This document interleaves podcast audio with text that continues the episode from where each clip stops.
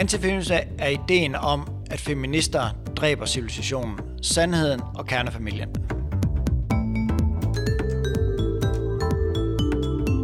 Du lytter til Operation Kvindekamp. En auditiv insisteren på, at vi bliver ved med at tale om den manglende ligestilling på universiteterne. Kvindehad, antifeminisme og feminismeirritation er nogle af de temaer, som min gæst i dag kommer ind på. Mikkel Thorup er idehistoriker og professor ved Institut for Kultur og Samfund på Aarhus Universitet, og så er han forfatter til bogen Antifeminisme, kvindehad i lighedens tidsalder. Velkommen til Operation Kvindekamp, der i dag handler om antifeminisme.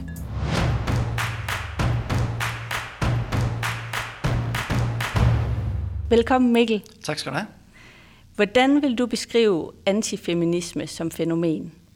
Jamen, jeg tror, jeg vil beskrive det som den hårde ende af sådan en trætrinsraket, kan man sige, som starter med øh, sexisme, som er sådan hvad skal sige, en common sense, jeg har næsten lyst til at sige, sådan en forståelse af, at der er hierarkisk forskel på mænd og kvinder. Du ved, det er sådan noget, hvor man kan sige, at kvinder kan ikke parallelt parkere, eller noget i den retning, eller kvinder er meget følelsesladet. Øh, hvor vi har en eller anden form for hierarkisk forskelsætning, enten implicit eller eksplicit mellem øh, mænd og kvinder. Så det er sådan det første, hvad skal jeg sige, lave niveau, eller mest generelle niveau. Øhm, øh, og så øh, anden trin på sådan øh, øh, karusellen er øh, det, vi kalder for kvindehad eller misogyni, som ikke handler om, at man sådan patologisk hader alle kvinder, men det er, at man ligesom håndhæver et særligt sæt af kvindeidealer en kvinde skal være på en særlig måde. Det bliver overvåget, det bliver håndhævet, det bliver rettet ind, det bliver kritiseret, når man stikker ud øh, som, øh, som kvinde. Så det der, hvor der er en, et sæt af, hvad skal jeg sige, foreskrevne regler for, hvordan man kan være kvinde i en given øh, situation. Og så endelig, for at svare på dit spørgsmål, så har vi så tredje øh, øh, trin, som er den, hvad skal jeg sige, den mindste del, det der forekommer mindst, øh, som er, hvad skal jeg sige, den hårde udgave af kvindehadet, som er antifeminismen som ligesom grundlæggende set er, øh, i hvert fald i min udlægning, er tre øh, påstande. Øh, for det første, at øh, feminisme er mandehad. Feminismen er et angreb på mænd. Det er endda i måske nogle udgaver sådan en afløsning øh, af manden. Det er kvindens herredømme. Så det er udskiftningen af mandens herredømme med kvindens herredømme. Øhm, og den anden del er, at øhm, det er et øh, illegitimt projekt, fordi at det er, øh, hvad det nu hedder, kvindens ene herredømme, øh, feminismen handler om kvindens ene herredømme, om at gøre manden udskiftelig og flødig, så det er øh, feminisme et illegitimt øh, øh, projekt. Øh, og det tredje øh, argument er, at feminismen er hovedårsagen til alverdens dårligdomme, lige fra faldende fødselstal til åbne grænser, øh, jeg har set i nogle udgaver klimaforandringerne, øh, vegetarisme, hvad man end kunne forestille sig af forfærdelighed i den her verden, øh, er, øh, er del af den feministiske magtovertagelse af verden. Så antifeminisme er, er påstanden om, at kvinder har overtaget magten, eller ved at overtage magten i samfundet, og de gør verden værre for os alle sammen.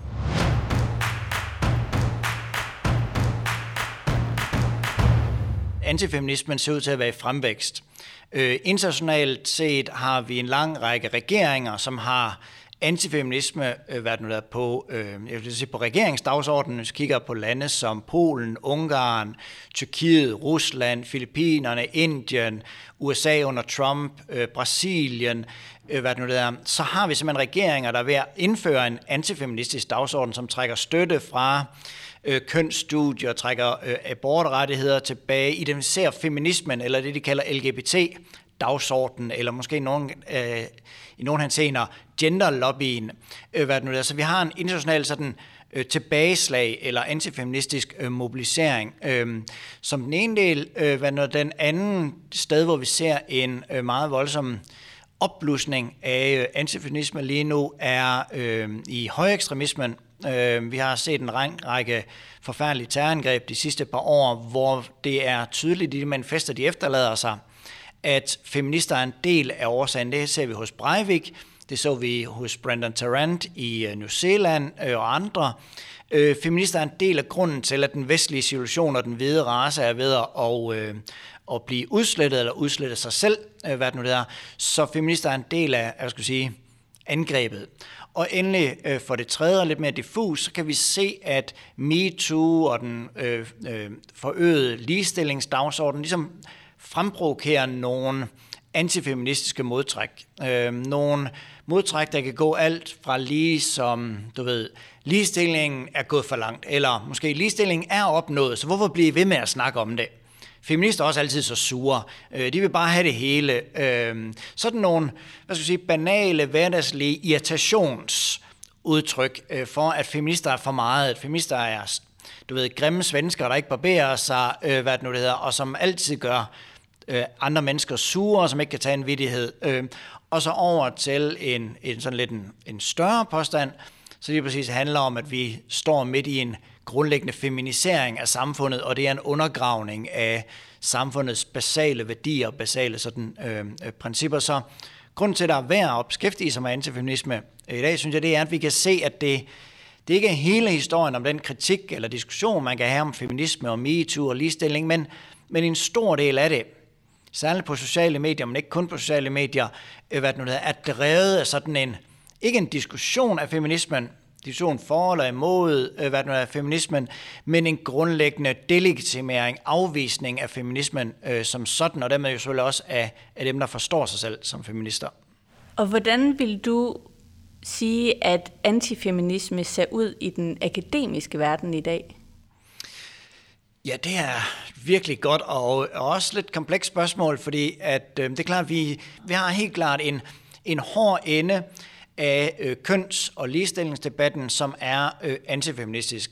Øhm, men jeg tror også, det er vigtigt at sige, at der er jo mange måder, man kan være kritisk over for feminisme og ligestilling og kønsspørgsmål øh, på, som ikke nødvendigvis er hvad sige, hård antifeministisk, som ikke er sådan, at vi delegitimerer kønsligestilling eller kønslighed eller feminisme som sådan, men hvor vi er kritiske over for dele af det. Og det tror jeg, det er jo nok der, hvor, hvor vi har de fleste udtalte positioner. Det er sådan nogen, der som synes, at, at det er sådan lidt en irriterende afledning fra det virkelige, vi er i gang med. Øh, eller øh, en mere postfeministisk position, som siger, det er virkelig vigtigt, men vi har løst det. Der er lighed, der er ligestilling, øh, så det er ikke længere en dagsorden. Det er vigtigt, og det er godt, at mænd og kvinder de er lige, men de er lige.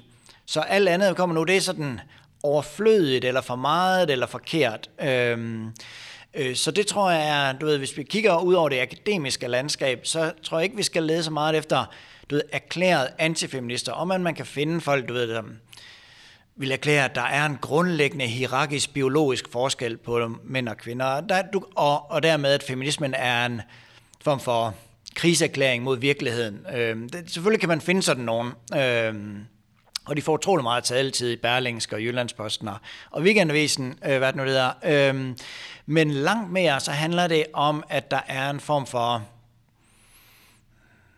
lad os kalde det feminisme irritation, mere end der er en antifeminisme. Altså feminister øh, forekommer mange at være irriterende, de er for højlytte, de insisterer for meget, de bliver ved med at snakke køn, øh, hvad det nu er.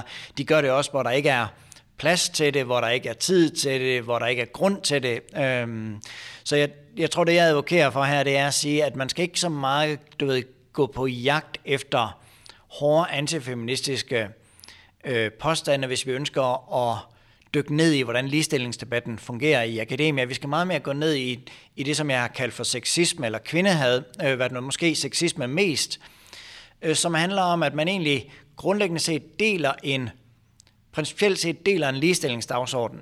Men enten så synes man, at den er opnået, eller så synes man, det er for småt. Hvorfor skal vi diskutere ordvalg, eller hvorfor skal vi diskutere pensum, eller hvorfor skal vi snakke om god tone på arbejdspladsen og sådan noget. Altså, folk må også være voksne, eller, øh, eller det er løst, eller det kan også blive for småt, eller, eller min yndlings, må man ikke flytte længere. Øh, du ved, der er de der øh, øh, oplevelser af, at at den feministiske dagsorden er gået skævt, er blevet for meget, er fortsat hendes sides det rimelige, og nu bliver en karikatur øh, af sig selv. Og det synes jeg for mig at se, jeg deler ikke de kritikker, øh, hvad det nu det hedder, men jeg kan godt se, at de er en del af hvad skal jeg sige, en valid debat om feminismen, og en valid debat om, øh, om ligestilling.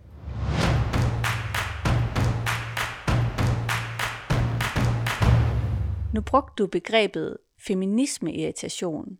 Hvad er det, de synes er så irriterende?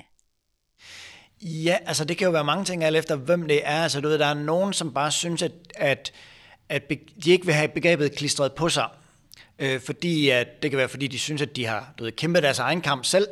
De har aldrig fået hjælp, øh, hvad nu, de har aldrig ønsket hjælp, og de ønsker heller ikke, at du ved, deres, og det er jo meget kvinder, ikke? Altså, som ikke ønsker, at deres succes Øh, Øh, og der, hvor de er nået til i livet, skal genbeskrives som noget, de har fået hjælp til, eller noget, hvor de havde stukket særligt ud, eller, eller der skal fortælles en historie om, hvordan det egentlig var helt forfærdeligt for dem tidligere. Eller, så der er mange, der, du ved, som bare ikke ønsker, at deres livsfortælling skal genbeskrives i ligestillingstermer, i sexistiske termer, i feministiske termer. De ønsker ikke, at, at der skal være sådan en feminisme eller kønsfortælling.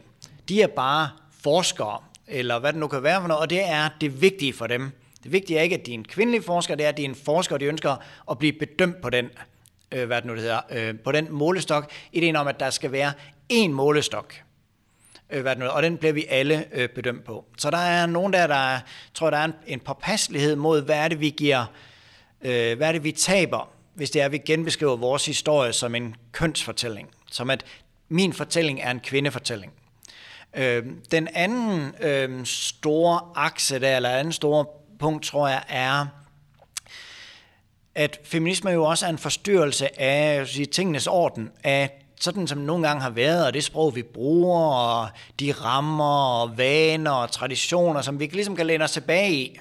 Det er jo super dejligt at gøre det samme igen og igen, øh, hvad det nu det hedder. Øh, og, øh, og der kan det være enormt forstyrrende, for det første at fået at vide, at det, man altid har gjort, er forkert. Du ved, der er sådan en, en vis form for, øh, hvad hedder sådan noget, øh, straf med tilbagevirkende kraft. Man får lige pludselig at vide, at det der, man altid har gået og gjort eller sagt, det faktisk altid har været forkert. Og man faktisk burde skamme sig over, at man er den, man hele tiden har været, øh, hvad det nu det hedder. Øh, så du ved, MeToo har også været med til at bringe en, hvad skal jeg sige, en genfortælling øh, øh, øh, på banen, hvor, hvor mange mennesker lige pludselig føler, at deres fortid bliver taget fra dem. Øh, øh, at de kan ikke bare være stolte af, hvad de altid, eller, eller føle, at de har gjort det fint. Nu får de lige pludselig at vide, at de faktisk altid har været nogle skiderikker, øh, eller altid har været forkerte. Øh, og så tror jeg også, der er det der med, du ved, hverdagen er sgu hård nok. Altså, der er ting at sige nok, der skal ordnes, og nu kommer der nogen, og ofte taler på et fuldstændig mærkeligt sprog omkring intersektionalitet, og jeg ved ikke, hvad, alle mulige øh, begreber, som man ikke har sat sig ind i, og som man heller ikke har bedt om, øh, hvad det nu det hedder, øh, og hvor de du ved, kræver af en, at man skal lave ting og sager om, Øh, øh, og det er lidt uklart, hvorfor man skal. Man har bare en klar fornemmelse af, at man er på den forkerte side af historien, eller man bliver placeret på den forkerte side af historien. Øhm, og der er en, du ved, man er tendensielt en kæmpe stor skiderik. Øhm, men vigtigst af alt, det er, at man skal lave en hel masse ting og sager om, uden at man helt har været med i, hvad skal vi, opløbsdiskussionen om, hvorfor det skal laves om. Sproget er ikke ens eget, øh, hvad nu det kommer ud af nogle traditioner, øh, hvad nu, og nogle debatter, man ikke har taget en del i, og man får ligesom, hvad skal vi sige, slutpunktet af en lang diskussion får man, at, øh, at der er et eller andet, der er forkert. Øh, og det tror jeg, der er en, formodentlig en nogen stræk forståelig øh, modreaktion på det om, at det har jeg sgu ikke været med til at diskutere, eller hvor er det udvalg hen, eller hvor er den afstemning hen, hvor vi blev enige om, at vi skulle gøre det her, øh, eller hvorfor er det, at I kommer der og kræver, at det her skal laves om. Øh, og der tror jeg bare, at man skal huske på, at, at du ved, at at feminismen-irritationen ikke nødvendigvis er det samme som en afvisning. Altså det kan den blive til, og det er måske tit det, der bliver øh, udløbet af den, øh, at man så sender det hele til i uenighed, og, og man orker ikke at åbne den igen, fordi folk bliver så sure og sådan noget. Øh, men at det meget ofte mere er et, hvad skal jeg sige, en forandringsforundring, og så bliver feminister til sådan en form for ærkesymboler på en udvikling, man føler er ved at glide ind af hende.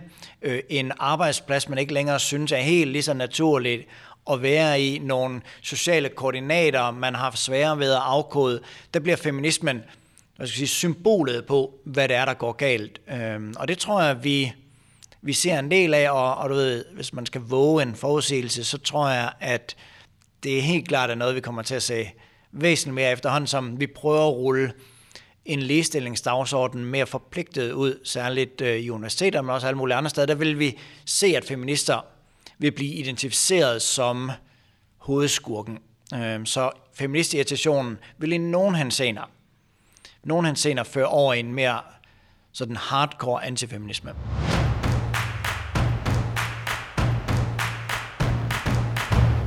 Ligestilling handler om identitet. Det handler om vores kønsforhold, vores kropsforhold, vores seksualitet, vores relation til hinanden, vores intime omgang, enten seksuel eller arbejdsmæssigt, kollegial, venskabeligt, whatever det nu kan være. Det, det, det rører ved nogle meget essentielle ting.